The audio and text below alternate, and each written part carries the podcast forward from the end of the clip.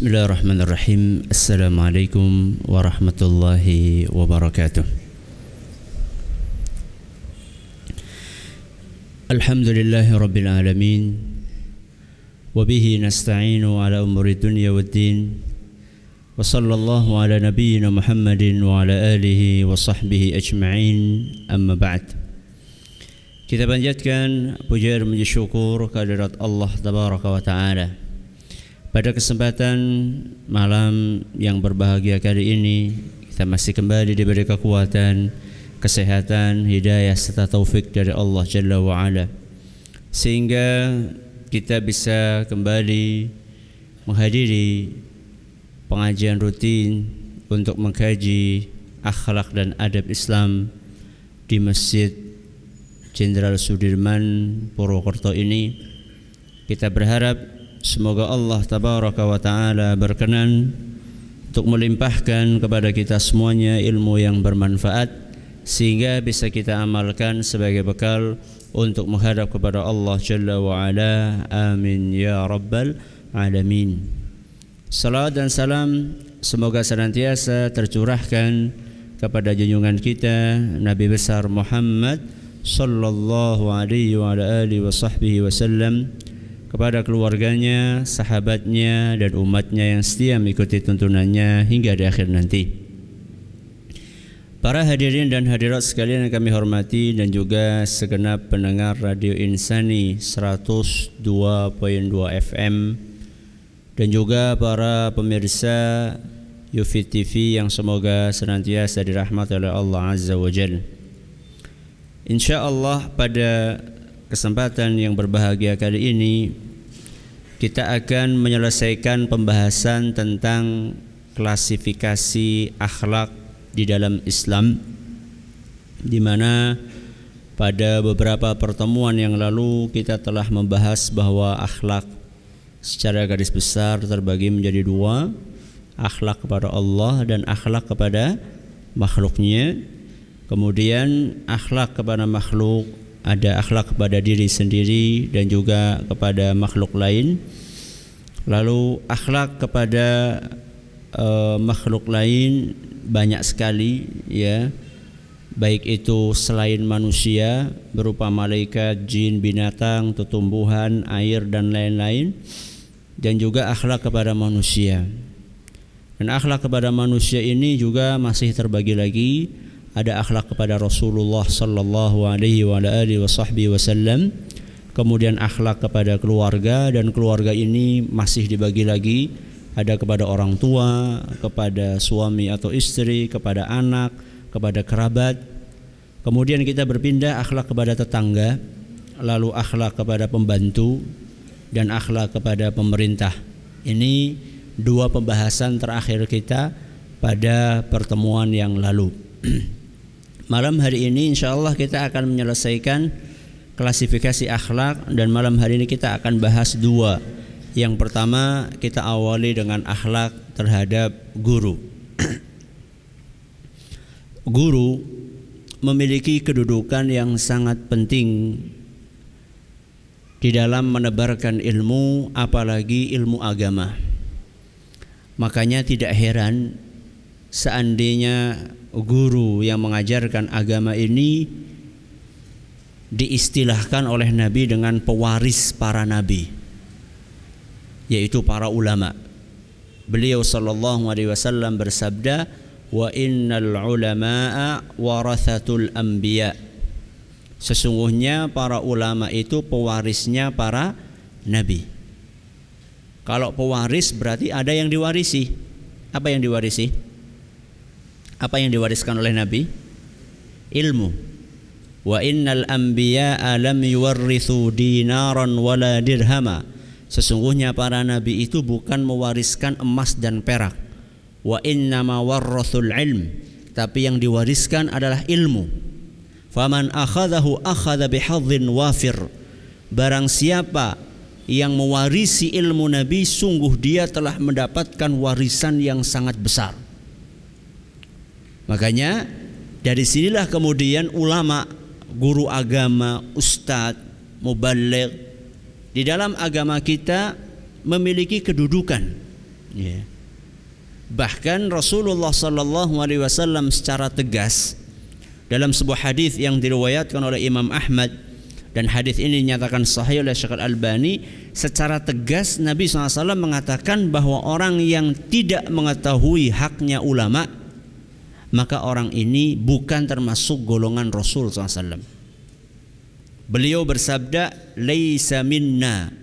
Bukan termasuk golongan kami. Siapa wahai Rasul? Pertama kata beliau man lam yujil kabirana. Bukan termasuk golongan Rasul SAW orang-orang yang tidak menghormati yang lebih tua.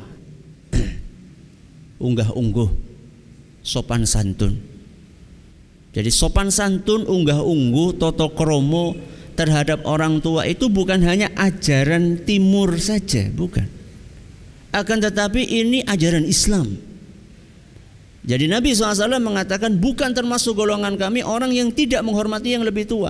Sekalipun yang lebih tua itu ilmunya di bawah kita.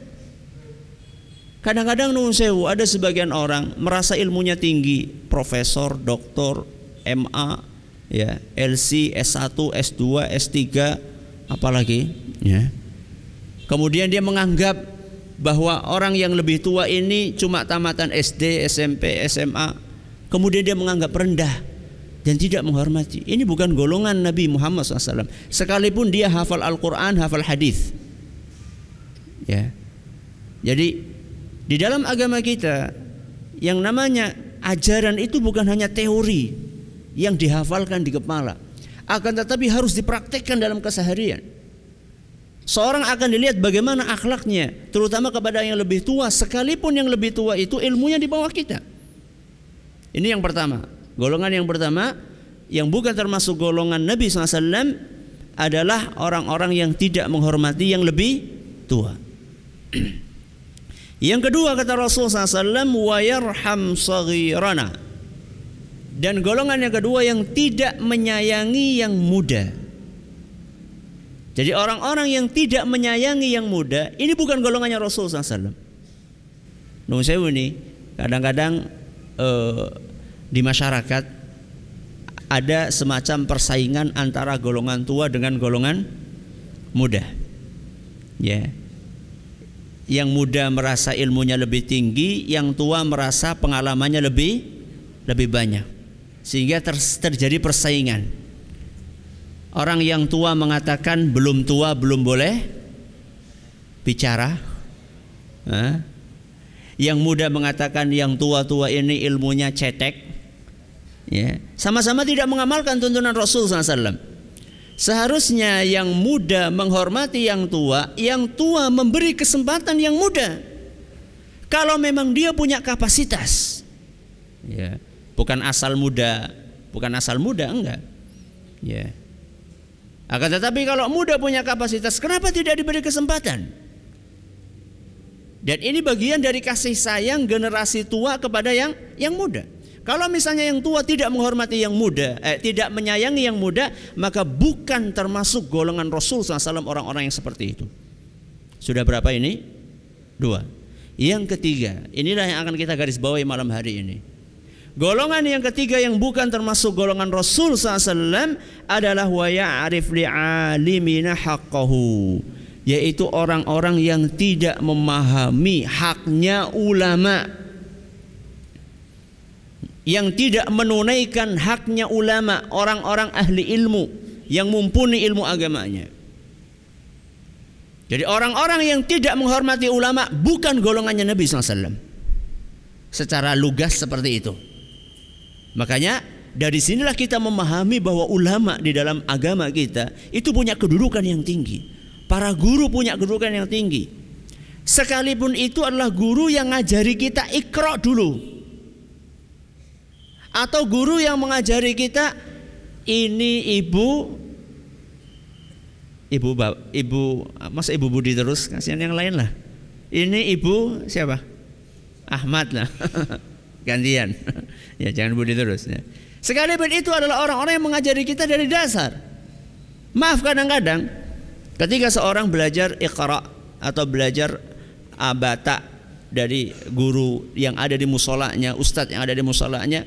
Begitu dia tamat dia belajar, masya Allah, kemudian dia melanjutkan ke pondok, dari pondok kemudian kuliah, ngambil jurusan agama di dalam atau luar negeri. Begitu pulang dia merasa, wah, sudah S. S apa kalau sekarang? Kalau dulu SAG ya, ya.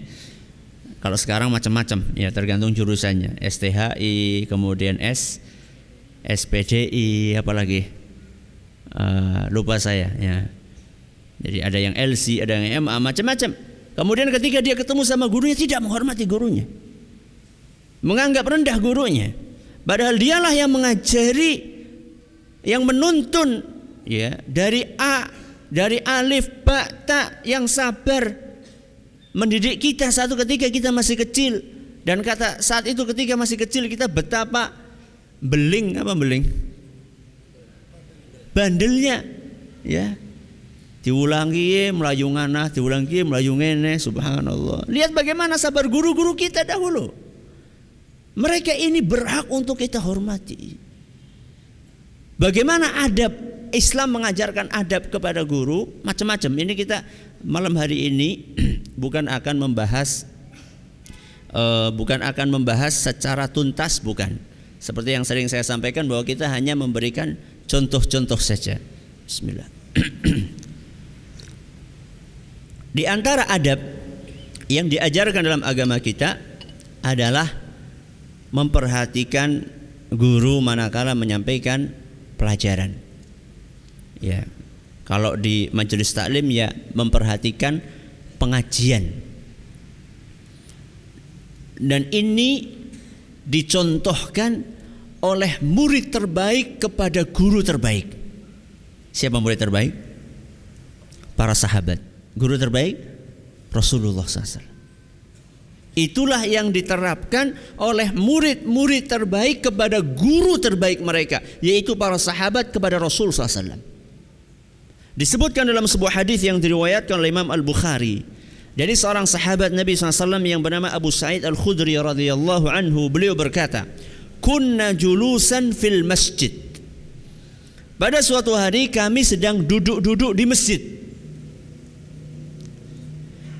إذ خرج رسول الله صلى الله عليه وسلم فجلس إلينا Tiba-tiba Rasulullah SAW datang dan duduk bersama kami menyampaikan pengajian lah gampangannya. Ketika Nabi SAW duduk di antara para sahabatnya mulai menyampaikan ilmu agama, lihat bagaimana responnya para sahabat. Faka'anna ala ru'usina at-tayr la yatakallamu ahadun minna ketika Nabi SAW mulai memberikan pengajian seakan-akan di atas kepala kami hinggap seekor burung dan khawatir burungnya itu terbang. Ini ungkapan untuk menunjukkan betapa antengnya. Apa anteng bahasa Indonesia-nya? Betapa tenangnya para sahabat. Wala yatakallamu ahadun minna tidak ada satupun di antara kami yang mengucapkan kata-kata. Diam semuanya. Kalau sekarang istilahnya jarum jatuh kedengaran. Ya. Kalau istilah orang Indonesia pepatahnya saking tenangnya itu semuanya tenang diam. Memperhatikan apa yang disampaikan Rasulullah SAW. Dan itu terjadi sekarang di zaman kita ini ketika khutbah Jumat anteng banget. Kenapa anteng ya? Turu, tidur. Beda, ini antengnya beda, ini anteng anteng yang kebablasan itu. Enggak, dalam majelis taklim seperti ini coba sekarang kita praktekkan, kita lihat coba.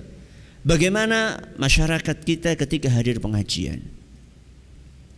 Bahkan kadang-kadang fenomena tidak memperhatikan pelajaran itu bahkan dilakukan oleh mereka yang sering ngaji. Itu yang sungguh memprihatinkan, mengenaskan, saya katakan. Sudah sering ngaji tapi adab menuntut ilmunya tidak diperhatikan. Malah sering kali majelis taklim ini dijadikan sebagai sarana untuk reuni. Ya, sarana untuk reuni, sarana untuk ngerumpi. Ya. Ketemu seminggu sekali, ketemu sebulan sekali. Jadi selama pengajian ngobrol terus. Sampai suaranya ustadznya kalah sama suara jamaahnya. Ya. Itu satu ngobrol terus. Ya, Ustadz masa nggak boleh ketemu sama teman? Iya boleh. Tapi yo op, apa harus ketika ustadznya ngisi? Sebagian orang mengatakan sing jenenge ngaji gue artinya sing mangakur siji. Jadi kayak gue ngaji gue sing mangakur siji. Siapa? Ustate. Yang lainnya mendengarkan. Ya. Jadi adab ini kurang diperhatikan ngobrol sendiri. Belum lagi maaf ini yang membawa putra dan putri dan ini bagus panjenengan punya perhatian mengenalkan anak-anak panjenengan dengan majelis taklim ini bagus sekali. Akan tetapi tolong tolong sekali putra putri jenengan nun sewu jangan maaf ini agak kasar jangan diumbar diumbar itu artinya di dilepas sehingga apalagi kalau masjidnya luas. Ya. Contoh ketika saya ngisi pengajian misalnya di masjid mana? Baitul Salam itu di Masjid Agung Baitul Salam atau di beberapa masjid di Masjid Darussalam itu kan kadang-kadang ada space ya, masih ada ruang di belakang itu yang seluas lapangan kira-kira. Itu jadi favorit lari ke sana. Ki jenis ramane nang endi? Mana tanggung jawabnya? Jadi masalahnya dalam agama kita itu bukan hanya bikin anak, tapi bagaimana bertanggung jawab mendidik anak gitu. Sehingga sering saya dikeluhkan oleh takmir masjid, tolong Ustadz diingatkan anak. Ya, mending kalau misalnya hanya sekedar lari. Kadang-kadang pipis, pipis sambil lari-lari. Masya Allah. Kalau kondisinya kayak di sini nih, karpet kayak gini, aduh, kasihan itu para teman-teman karyawan masjid. Kalau modelnya kayak tehel atau lantai masih mending ya, tinggal dipel gitu. Kalau karpet kayak gini coba bayangkan. Gimana repotnya, ya. Maka ini perhatikan, ini adab. Ya, adab murid kepada guru, guru di majelis taklim. Adab yang lain yang diajarkan oleh agama kita adalah berkhidmat. Berkhidmat membantu ya guru dan ini subhanallah eh, di kalangan tradisionalis itu sangat kental. Di kalangan modernis ini mulai apa? mulai menipis. Walaupun masing-masing punya kelebihan, punya kekurangan, tapi yang ingin kita tangkap adalah intinya adalah berkhidmat. Jadi membantu guru, membantu guru dalam arti melayani guru. Yeah. Dan ini bukan sesuatu yang uh, yang bid'ah ya ada sebagian mungkin wah itu bid'ah itu itu terlalu berlebihan enggak para sahabat Nabi SAW seperti itu saya kasih contoh nih satu contoh yang subhanallah dipraktekkan oleh seorang sahabat Nabi Sallallahu Alaihi Wasallam yang mendapatkan al-habru wal bahr ya yang mendapatkan gelar lautan lautan ilmu siapa itu Ibnu Abbas. Ibnu Abbas radhiyallahu anhuma. Pertama dia seorang ulama. Yang kedua beliau seorang ningrat dalam tanda kutip. Karena beliau adalah keluarganya siapa? Rasul SAW. Ahlul Bait. Ahlul Bait. Jadi beliau punya dua keistimewaan sekali. Beliau ulama, sudah ulama, beliau ahlul bait pula. Ya bagaimana beliau bersikap kepada ulama yang lain dari sahabat Nabi sallallahu alaihi wasallam yaitu beliau Zaid ibnu Thabit. Ada seorang ulama di antara para sahabat namanya siapa? Zaid ibnu Thabit. Pada suatu hari Ibnu Abbas radhiyallahu anhu melihat Zaid ibnu Thabit sedang naik onta. Ya, maka dengan bergegas Zaid eh, maka dengan bergegas uh, Ibnu Abbas ini langsung mengambil tali. Tali apanya? Tali kekangnya kemudian dituntun dia. Menuntun. Ya. Menuntun ontanya Zaid ibnu Thabit. Dalam keadaan Ibnu Abbas ini seorang ulama besar dan beliau seorang keturunan dari keluarga Nabi Shallallahu Alaihi Wasallam Akhirnya kan Zaid ibnu Thabit itu mau nggak mau kan merasa agak apa ya? Uh, kalau bahasa kita risih ya, uh, pekewuh ya, nggak enak masa masa uh, ini keluarganya Nabi SAW uh, terima no apa uh, nuntun nuntun onta saya maka beliau pun uh, berkata kepada Ibnu Abbas, "Kenapa kamu lakukan ini wahai Ibnu Abbas?" Apa jawaban Ibnu Abbas? Subhanallah. Kata beliau, "Hakadha umirna an naf'ala bi ulama'ina." Beginilah kami diajarkan untuk bersikap kepada para ulama. Beginilah kami diajarkan untuk bersikap kepada para ulama. Siapa yang ngajarkan? Para sahabat yang ngajarkan siapa? Rasul SAW. Jadi ini ajaran dari Rasul Wasallam yang amat disayangkan. Mulai di, dengan modernitas sekarang, kemudian dengan adanya sarana-sarana teknologi sekarang, ini kurang diperhatikan. Ya. Murid kurang berkhidmat kepada gurunya gurunya bawa apa berat gitu malah ditonton. Ustadznya kuat banget ya kadang-kadang subhanallah ini memang ini butuh pendidikan ya butuh pendidikan. Ketika lihat gurunya nyapu gitu muridnya cuma duduk saja malah nonton. Bersih banget ya ustadznya naik nyapu. Subhanallah ya subhanallah. Coba ini perlu kita tumbuhkan. Ya dan ustadznya atau ulamanya atau gurunya itu bukan minta untuk dihormati. Jadi kita ketika berkhidmat kepada guru kita itu adalah bagian dari upaya kita untuk mencari ridho Allah Azza wa Jalla. Jadi ketika saya sampaikan seperti ini, ya, ketika saya sampaikan seperti ini bukan berarti saya meminta panjenengan tolong nanti sandal saya dibawakan. Tolong nanti ada yang bawakan tas saya, ada yang bawakan bukan. Kalau saya pribadi digitukan itu merasa jengah ya. Atau kalau misalnya tangan saya dicium saya itu nggak enak gitu loh. Apalagi yang yang yang nyium tangan itu orang yang lebih uh, yang lebih tua yang lebih sepuh. Saya tuh nggak enak makanya saya nggak suka untuk dicium tangan. Boleh uh, panjenengan mencium tangan ulama boleh secara syariat boleh insya Allah. Tapi kalau saya pribadi nggak suka. Jadi saya menyampaikan ini bukan dalam rangka supaya panjenengan ini oh besok saya apa ya ngubahkan kelambi ustadz apa ya Bukan bukan itu maksud saya. Tapi adalah kita perlu mempelajari, perlu mengetahui bahwa adab dalam Islam itu seperti itu salah satunya kepada ulama, kepada guru. Ya. Ini. Kemudian adab yang lainnya kepada guru adalah uh, tidak mencari-cari kesalahannya guru. Ya. Memang yang namanya manusia, siapa pun itu punya peluang untuk bersalah, termasuk ustadz, termasuk ulama. Karena ulama itu bukan malah malaikat. Ulama itu Bani Adam. Rasul SAW mengatakan kullu Bani Adam khata. Setiap anak Adam, keturunannya Adam, Nabi Adam itu banyak dosanya termasuk ustadz, termasuk ulama. Akan tetapi sebagian orang sukanya itu ngumpul-ngumpulkan, ya, mencari-cari di goleti. Sehingga dia mengoleksi kajian rekaman itu untuk dicari kesalahannya di mana saja satu-satu didengerin bukan untuk mengambil ilmunya tapi nah gini nemu guys cici alhamdulillah. Nemu kesalahan wong alhamdulillah. Ya. Nanti kumpulin pakai daftar. Nggak cukup hanya sekedar kajian yang sifatnya audio cari tulisan-tulisannya yang dulu-dulu kumpulin.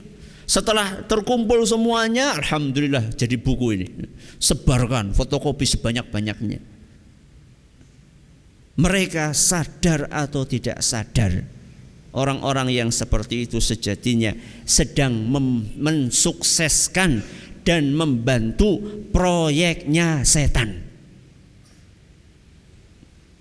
Orang-orang yang kerjaannya seperti ini nih, sukanya ngumpulkan kesalahannya para ulama disebar-sebar, bukannya untuk kebaikan, bukannya untuk menasehati orang tersebut, akan tetapi semata-mata menjauhkan umat dari para penyeru kebaikan orang-orang yang seperti ini sejatinya sedang membantu proyeknya setan karena setan itu berusaha keras untuk menjauhkan umat dari ahli ilmu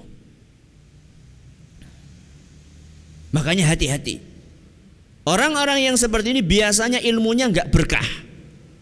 Para ulama kita mengatakan luhumul ulama'i masmumah. Ketahuilah bahwa dagingnya para ulama itu racun. Maksudnya gimana Ustaz? Yang namanya ngerasani itu kan makan daging, ya, makan makan bangkai uh, orang lain. Nah, ini bangkainya ulama atau dagingnya ulama ini beracun. Jadi kalau dimakan itu panjenengan kena racun. Maksudnya gimana Ustaz? Buktinya masih sehat-sehat walafiat orang mendem orang. Racun ini kata para kata sebagian ahli ilmu maksudnya adalah orang ini hatinya akan diracu, akan keracunan. Ilmunya tidak bermanfaat. Tidak akhirnya dia sulit untuk mengamalkan ilmu sulit untuk mengajarkannya, enggak barokah ilmunya. Karena kerjaannya adalah menjatuhkan para ulama, mendiskreditkan para ulama, ya, menyebarkan aib mereka. Sehingga kadang-kadang kita dapatkan mereka orang-orang yang kerjaannya seperti itu, ya. Sudah puluhan tahun atau belasan tahun ngaji, baca Al-Fatihah aja belum benar. Bayangkan belasan tahun ngaji. Belasan tahun menghadiri majelis taklim, baca Fatihah aja belum benar. Tapi kalau disuruh kalau disuruh menyebutkan kesalahannya fulan update. Ya, terbaru itu tahu misalnya. Terus update, tapi baca Fatihah nggak diupdate. Ya. Subhanallah. Orang-orang yang seperti ini sering kadang-kadang kalau hadir pengajian, kalau bahasanya masalah pembahasannya ustadznya bahas masalah fikih, masalah akidah atau masalah ya yang yang yang lumayan berbobot gitu, wis pada ngantuk. Tapi kalau sudah bicarakan aib langsung tuh ya, IP Ustadz Anu hmm, sebutkan bongkar satu-satu. Ustadz apa terus gimana? Apa apa kita biarkan kalau Ustadz itu salah? Bukan dibiarkan dinasehati itu bukan menasehati itu namanya mempermalukan membongkar aib di depan umum itu namanya mempermalukan bukan menasehati tapi dinasehati sampaikan kepada orangnya ya maaf ada sebagian orang sukanya ngomong di mana sukanya ngomong di di belakang. Ya. Padahal ketemu sama ustaznya gampang sekali. Loh tetangga kok. Ya. Tetangga desa, tetangga kecamatan, tetangga kabupaten. Bisa datang, tinggal datang sampaikan Alhamdulillah juga Insya Allah para ustadz, para mubalik, para ulama Insya Allah mereka ini bukan orang-orang yang anti kritik ya. Yang penting caranya baik saja untuk menyampaikan Jadi Perlu difahami, saya menyampaikan seperti ini bukan sedang mengatakan diamkan kesalahan para ahli, para ahli ilmu bukan.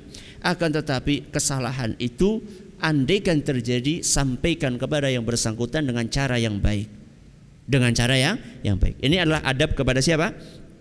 Adab kepada guru. Yang terakhir yang akan kita bahas dan ini adalah sebagai penutup dari pembahasan tentang klasifikasi akhlak Eh, masih satu pertemuan lagi sebelum bulan Ramadan insya Allah akan tapi judul klasifikasi Allah inilah terakhir adalah adab kepada siapa kepada non kepada non muslim ya, adab kepada non muslim ini amat disayangkan di zaman kita ini tidak sedikit orang yang uh, kurang memahami adab ini perlu diketahui bahwa Islam itulah agama yang rahmatan lil lil alamin apa rahmat kasih sayang, menebarkan kasih sayang kepada alam semesta.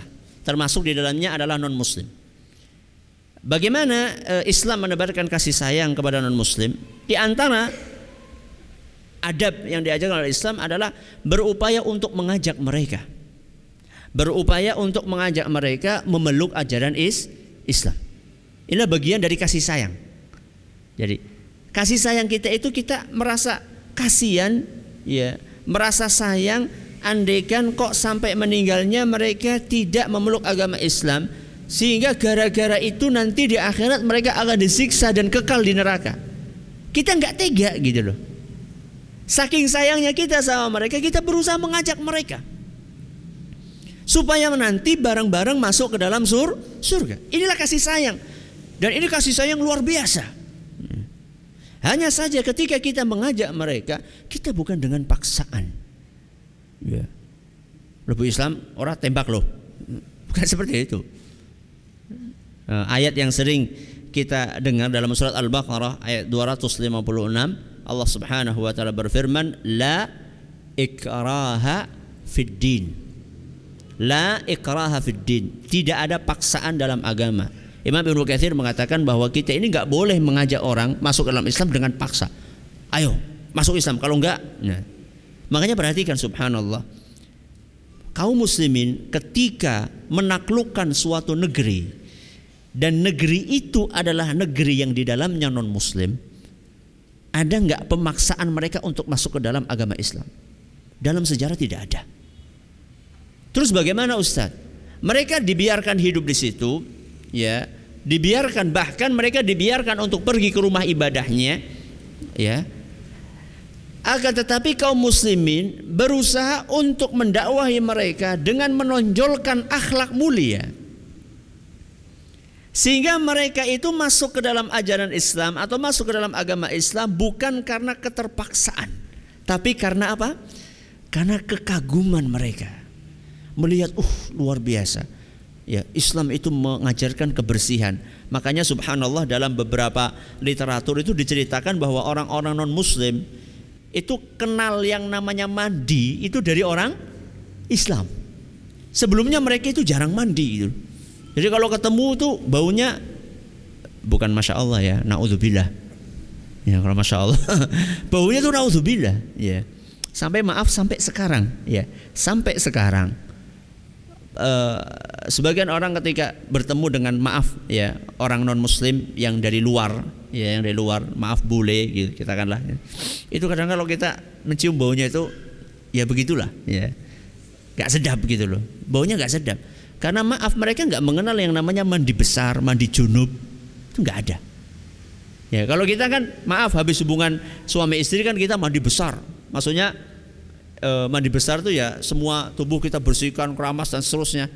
Mereka nggak mengenal seperti itu. Bahkan subhanallah kita ini sampai maaf ini ya, ini bukan pornografi. Ya. Panjenengan habis berhubungan suami istri ronde pertama, panjenengan pengen melanjutkan ronde kedua. Antara dua ronde ini disunahkan untuk berwudu. Padahal belum selesai kan.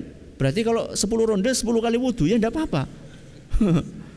Tapi lihat bagaimana Islam, masya Allah, ya bukan bukan terakhirnya, tapi di tengah-tengah pun disunahkan, luar biasa.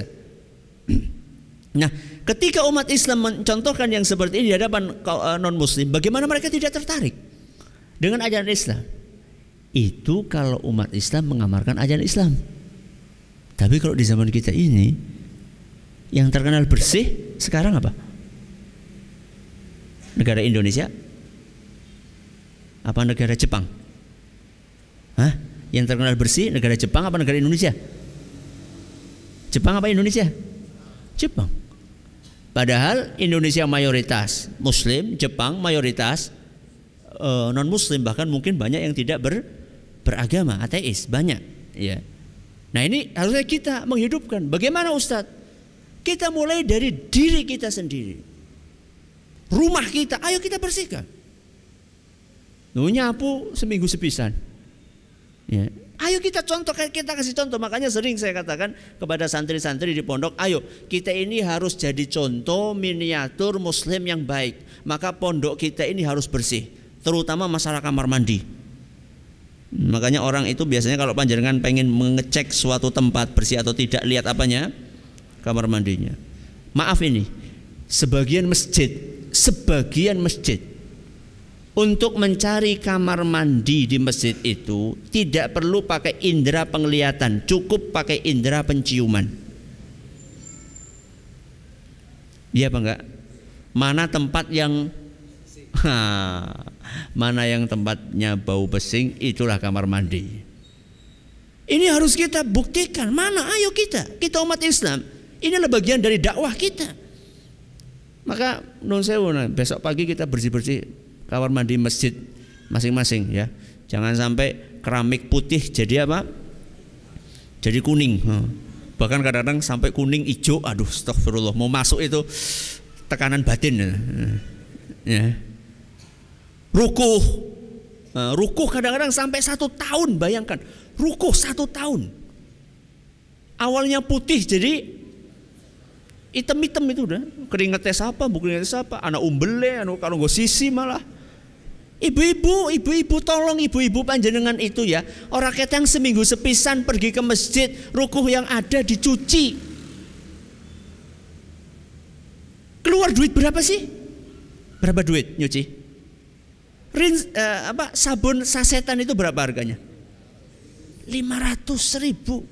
Subhanallah. Panjenengan gunakan itu bisa buat untuk nyuci rukuh, buat nyuci baju panjenengan sekarang nyuci tinggal masukkan ke mesin cuci. Ayo kita tunjukkan Islam ini agama yang bagus, agama yang indah.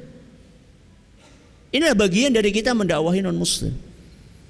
Bukan hanya itu, termasuk uh, mendakwahi non muslim adalah kita berbuat adil sama mereka. Ya, berbuat adil sama mereka ini tegas disebutkan oleh Allah Subhanahu wa taala dalam Al-Qur'an. Ya. Surat Al-Mumtahanah ayat 8. Jadi di antara bentuk uh, sikap positif yang diperbolehkan oleh agama kita terhadap non muslim adalah berbuat adil kepada mereka. Ini tegas sekali Allah sebutkan dalam surat Al-Mumtahanah ayat 8 di mana Allah berfirman la yanhaakumullah 'anil ladzina lam yuqatilukum fid din wa lam yukhrijukum min diyarikum an tabarruhum wa tuqsitu ilaihim Allah itu tidak melarang kalian wahai kaum muslimin untuk berbuat baik dan berlaku adil kepada orang-orang kafir ya yang tidak memerangi kalian dan tidak mengusir kalian dari rumah-rumah kalian. Inna Allah yuhibbul muqsitin sesungguhnya Allah itu mencintai orang-orang yang berlaku adil. Jadi Allah sama sekali tidak melarang kita untuk berbuat adil kepada non muslim. Kadang-kadang kita ini sebagai seorang muslim kurang uh, mewakili dari ajaran Islam ketika berbisnis kadang-kadang kita suka mengundur-undur uh, pembayaran hutang dengan alasan lah orang kafir toike enggak ya justru kita harus menunjukkan akhlak yang mulia bagaimana Islam mengajarkan berbisnis ya jujur dalam berbisnis menjelaskan barang apa adanya. Kalau ada cacatnya, katakan ada cacatnya. Kalau sudah berjanji akan membayar pada tanggal anu, bayar pada tepat waktunya. Sekalipun itu sama non muslim. Ya. Walaupun dia itu non muslim, kita nggak boleh berbuat zalim. Dan kebaikan kita kepada mereka, ya termasuk senyum sama mereka, ramah kepada mereka. Masih ingat adab kepada tetangga? Ya, bagaimana Eh, salah seorang sahabat Nabi SAW kalau nggak salah siapa ya? Saya lupa, Ibnu Umar atau Ibnu Amr saya lupa. Jadi ketika nyembelih uh, kambing, pesen sama pembantunya, pertama kali dikasih siapa? Tetangganya orang Yahudi, subhanallah. Kata sahabat itu pesen sama sama sama pembantunya, ini pertama kali yang kita begitu tetangga kita orang Yahudi. Luar biasa. Ya. Jadi kita tidak tidak ada masalah kita itu ramah sama mereka. Akan tetapi perhatikan, ini penting sekali. Keramahan kita kepada mereka itu tidak boleh melunturkan akidah kita. Apa itu Ustadz? Kebencian terhadap kekufuran. Itu syarat salah satu syarat keimanan. Jadi seorang itu harus membenci kekufuran dan membenci orang-orang kafir. Bahkan dalam Al-Quran surat Al-Mujadilah ayat 22 Allah subhanahu wa ta'ala berfirman La tajidu qawman yu'minuna billahi wal yawmil akhir Yuwaduna man hadallaha wa rasulah Orang-orang yang beriman kepada Allah dan hari akhir dan benar imannya tidak mungkin akan berkasih sayang dengan orang-orang yang ingkar kepada Allah dan Rasulnya, yaitu orang-orang kafir. Jadi kebencian itu harus ada, tapi bedakan lihat Benci itu bukan berarti zalim. Allah saja nggak pernah zalim. Allah itu nggak pernah zalim sekalipun sama orang kafir. Lihat Allah Subhanahu wa taala. Rizki dibagikan, orang kafir kebagian rizki nggak dari Allah? Kebagian. Allah tidak zalim kepada mereka. Yeah. Makanya kita harus mencontoh, ya. Harus mencontoh apa yang diajarkan oleh Allah Subhanahu wa taala ini. Sebagian orang inilah adab-adab ya, inilah adab-adabnya. Kita berbuat baik secara lahir kepada mereka akan tetapi tetap harus ada kebencian terhadap keyakinan kufur mereka karena Allah membenci keyakinan kufur tersebut.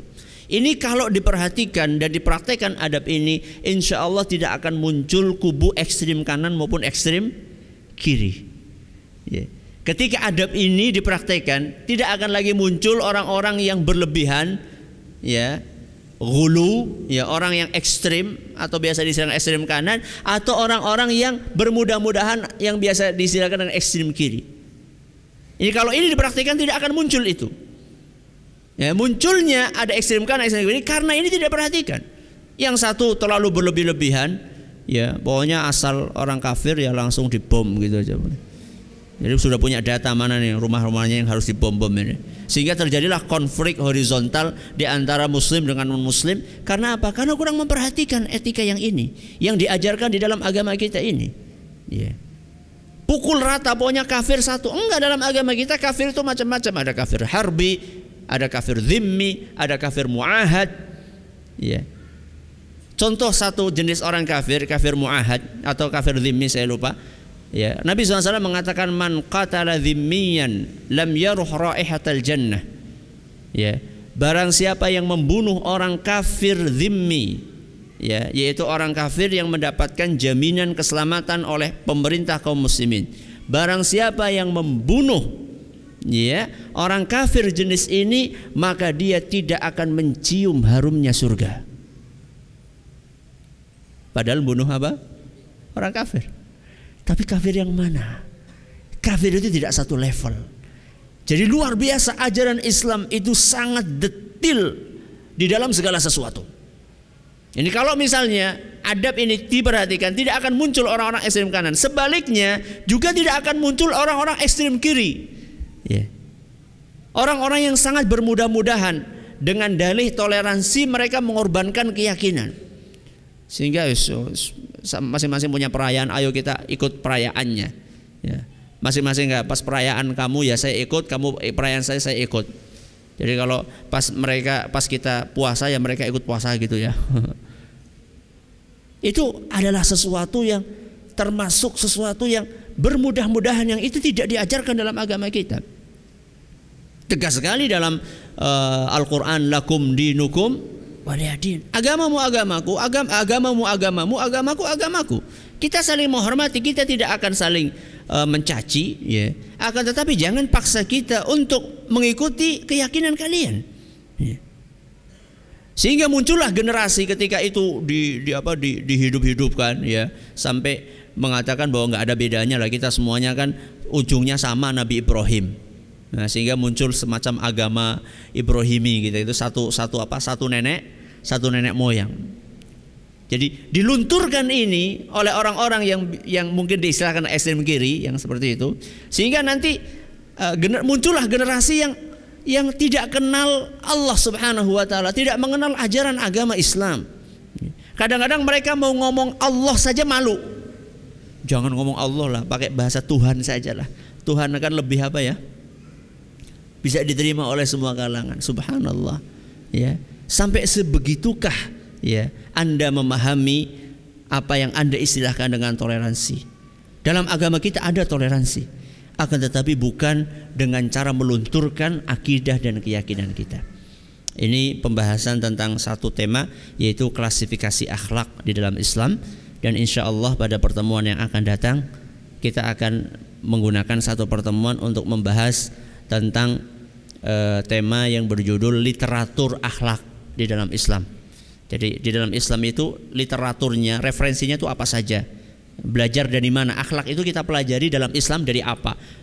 Dari kitab apa? Dari Quran, dari hadis, kemudian dari kitab hadis apa saja kitab-kitabnya? Apakah para ulama punya buku khusus masalah akhlak? Ini akan kita bahas pada pertemuan yang akan datang dan nanti setelah itu kita akan mulai pembahasan detil akhlak pembahasan detil akhlak yang insya Allah kalau tidak ada halangan kita akan menggunakan kitab yang ditulis oleh seorang ulama besar madhab syafi'i yaitu Imam Ibn Hajar al Asqalani dalam kitab beliau Bulughul Maram. Mungkin pernah dengar sebagian ada kitab namanya apa? Bulughul Maram. Kita akan ambil bab yang terakhir. Ya di situ adalah khusus masalah etika, adab dan akhlak. Kita akan baca satu persatu hadis Nabi SAW kemudian kita berharap bisa mempelajari itu secara detail. Semoga bermanfaat. Terima kasih atas perhatiannya. Mohon maaf atas segala kurangannya. Kita tutup dengan membaca Subhanakallahumma bihamdika asyhadu an la ilaha illa anta astaghfiruka wa atubu ilaik. Assalamualaikum warahmatullahi wabarakatuh.